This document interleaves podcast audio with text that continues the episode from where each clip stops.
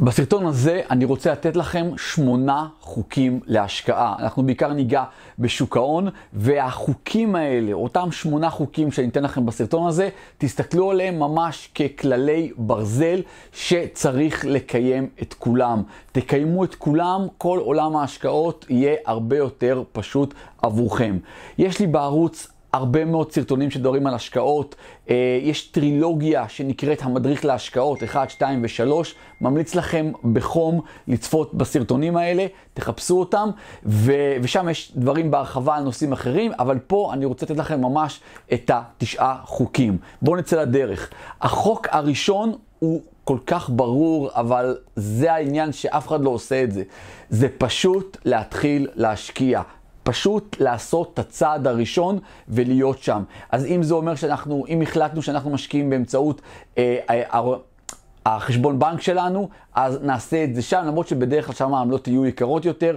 אם החלטנו שאנחנו פותחים איזה אה, חשבון ברוקאז' ודרכו לבצע את המסחר, אז תעשו את השיעורי בית שלכם, תחפשו איזה חשבון, תראו שהוא משתלם כלכלית, ותראו שזה גם איזה גוף מפוקח, גדול, נורמלי, לא איזה משהו שאנחנו לא יודעים מי הבעלים שלו, לא בדברים האלה, עם זה אל תשחקו, ופשוט תבצעו, פשוט תעשו את זה, תתחילו להשקיע. יתר החוקים יעזרו לכם איך לעשות את זה, אבל השלב הראשון הוא מאוד מאוד קריטי, פשוט לעשות את זה. הדבר השני, הכלל השני, שבעיניי הוא, הוא מאוד חשוב, זה אנחנו משקיעים לטווח ארוך. עכשיו כבר בפתח הסרטון אני אגיד לכם שאני לא יועץ השקעות, לא מנהל תיקים, ו...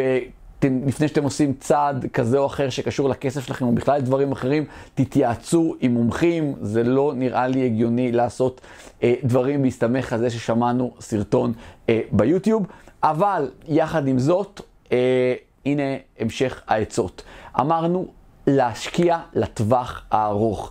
ככל, והסטטיסטיקות מראות את זה, ככל שהטווח ההשקעה ארוך יותר, ככה הסיכון מתמזער, ברמה הזאת מתמזער.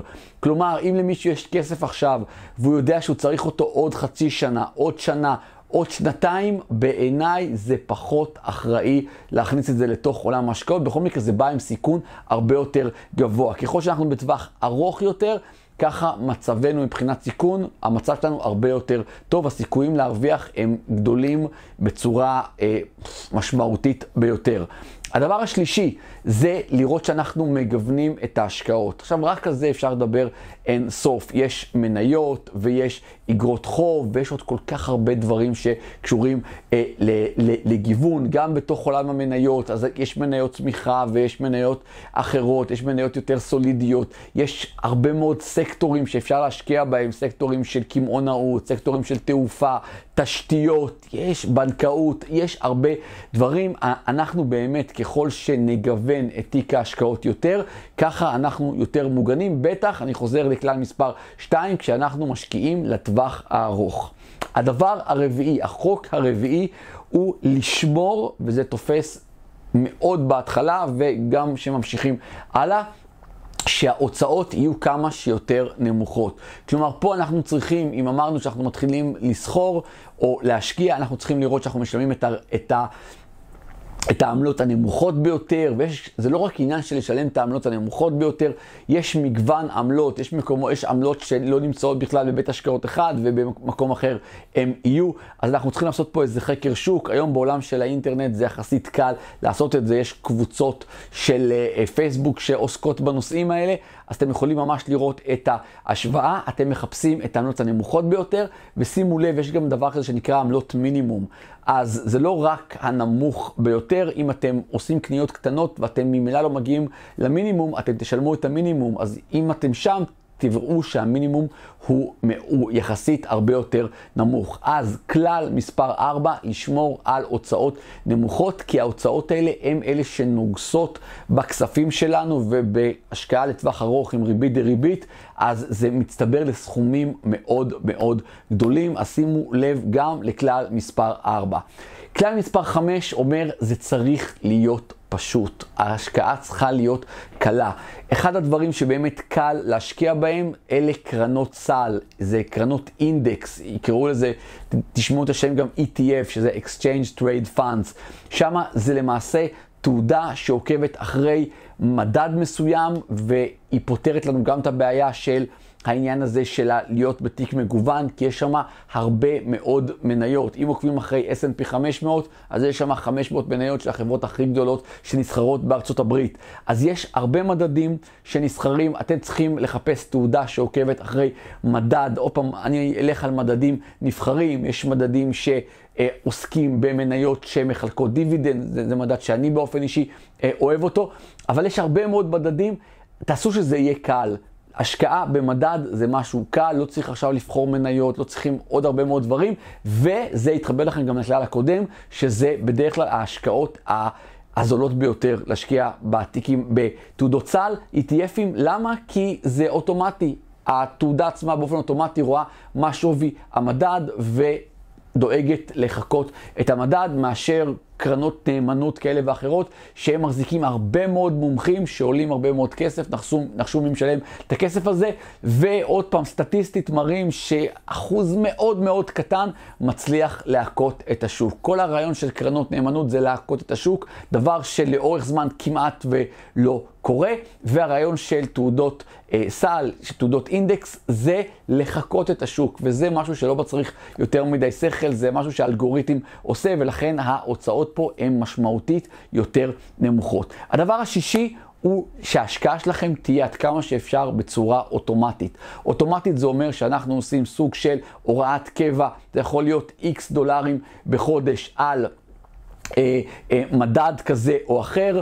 זהו, עשינו את זה, הקמנו את הסיפור הזה, אנחנו יכולים, זה באמת שגר ושכח, וכל זה לטווח ארוך, אנחנו די, קרוב לוודאי שנראה ברכה בהשקעה הזאת.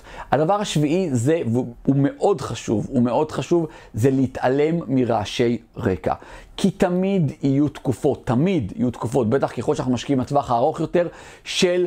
אה, דברים שהם מפחידים, אם זה מגפה כמו מגפת הקורונה, או אם זה משבר עולמי, או עליית ריביות, או, או מלחמה באזור מסוים, לא משנה, תמיד יהיה משהו, ובהרבה מקרים גם יהיו כמה דברים במקביל, אז אה, בתקופות האלה יש נטייה לאנשים אה, לצאת מהשוק, בדרך כלל הם יוצאים כשהשוק בהפסד, ואז הם נכנסים חזרה כשהשוק כבר עשה עלייה והם פספסו את כל הכיף בסיפור הזה.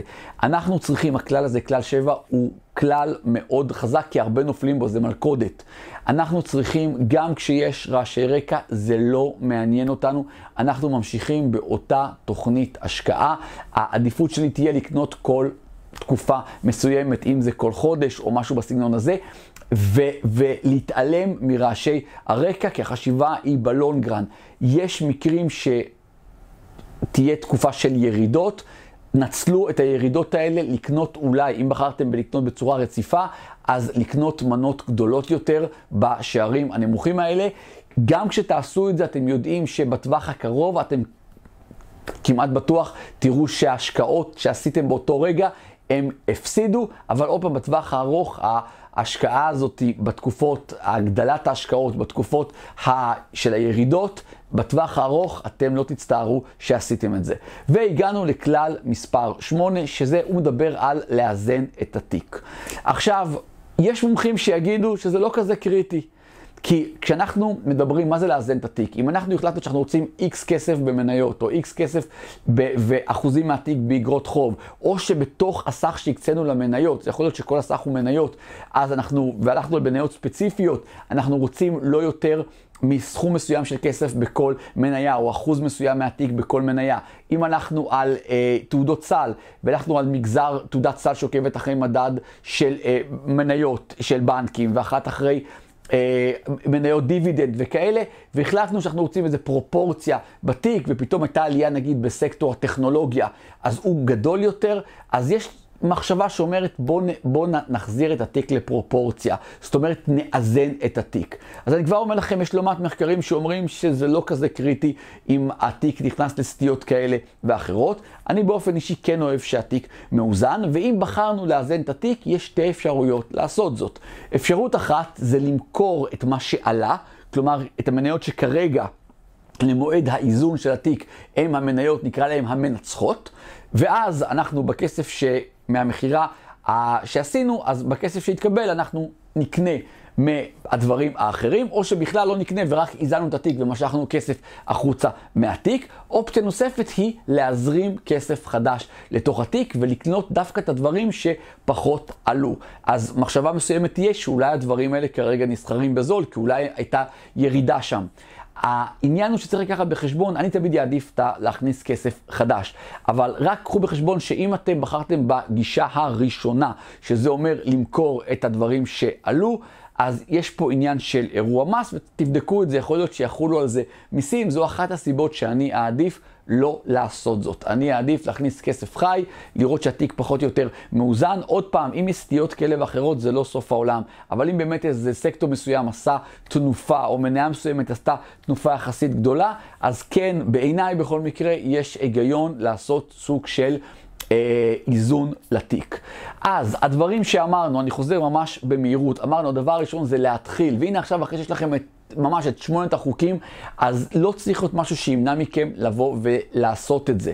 אז הדבר הראשון אמרנו זה להתחיל, לראות שאנחנו משקיעים לטווח הארוך. אם זה לא לטווח הארוך, אני אומר לכם, אל תיכנסו להרפתקה הזאת אה, בכלל, אל תהיו שם בכלל. אחר כך דיברנו על לגוון את ההשקעה, לראות שאנחנו בסקטורים נפרדים או בסוגים שונים של מניות, אם זה, אה, אם זה אה, של ניירות ערך, אם זה... איגרות חוב, אם זה מניות או דברים כאלה, תעודות סל, תראו שיש איזה גיוון, דיברנו על זה, סקטוריאלי, אפילו אה, בין יבשות, חלק מהכספים אחרי מדד שבארצות הברית, חלק אחרי דברים שבאירופה, תראו שיש אה, גיוון לתיק, לשמור על הוצאות נמוכות מאוד מאוד חשוב, לראות שזה יהיה קל, השקעות בתעודות סל זה דבר שהוא מאוד קל, לראות שההשקעה היא אוטומטית, תשתמשו באוטומציות בהקשר של להקים הוראות קבע, שסכום מסוים שאתם יכולים לעמוד בו, ושזה יקרה כל חודש, זה גם מעולה, כי אתם יודעים שיש את ההוראת קבע ואתם יודעים שהכסף הולך לרדת, אתם תדאגו שבחשבון יהיה כספים לזה, מאשר שאתם תגידו, אה, אם יש לי אני אקנה, ואם לא, אני לא אקנה, בסוף לא קונים שום דבר. אז תזכרו, האוטומציה הזאת זה דבר, לעשות את זה באופן אוטומטי מאוד מאוד חשוב. הלאה, להתעלם מרעשי רקע, ו... מדי פעם, פעם אחת לשנה, או אם קרו דברים דרסטיים בשוק, לאזן את התיק, בעיניי בדגש על להזרים כסף חדש. זהו, אלה שמונת החוקים. אין כמעט בן אדם שאם הוא יעקוב וישמור על שמונת החוקים האלה, הוא כנראה, ככל הנראה, אה, יראה באמת ברכה בהשקעות שלו.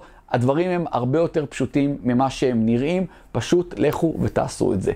מקווה שאהבתם את הסרטון הזה, מקווה גם שהוא יביא לכם לעזר. אם אהבתם, תחצו על כפתור הלייק, תגובות יתקבלו בברכה אה, למטה, המלצות או דברים נוספים שאתם רוצים להוסיף כחוקי ברזל עבורכם בעולם ההשקעות, תכתבו לי את זה למטה בתגובות, אני מבטיח להתייחס ולענות לכולם. מעבר לזה, תראו שאתם מנויים לערוץ שלנו, למטה יש כפתור, תחצו, תחצו גם על הפעמון כדי שתקבלו התראה כל פעם שאני מעלה סרטון חדש. אני גם אשמח שתעשו צילום מסך מתוך הסרטון הזה ותשתפו את זה ברשתות החברתיות, בסטורי, תתייגו אותי באינסטגרם, טיק טוק, פייסבוק, אני אתייג אתכם בחזרה. אה, ואגיב, וגם אשמח שתשתפו את הסרטון הזה עם אנשים אחרים. יש למטה קישור, תלחצו עליו לשיתוף, תעתיקו את ה... את הקישור לסרטון ותפיצו את זה אה, במיילים, בקבוצות וואטסאפ או לאנשים ספציפיים שאתם יודעים, ואני גם אשמח שתכתבו לי למטה ששיתפתם, נראה מי תומך אה, בערוץ הזה. מעבר לזה, תראו שאתם נמצאים בקבוצת עושר כלכלי, עושר באלף, בפייסבוק, עוקבים אחריי, באינסטגרם, גיא מנדלסון, נמצאים בקבוצת הוואטסאפ. השקטה שלנו וברשימת התפוצה. הכישורים לכל הדברים האלה נמצאים בתחתית הסרטון.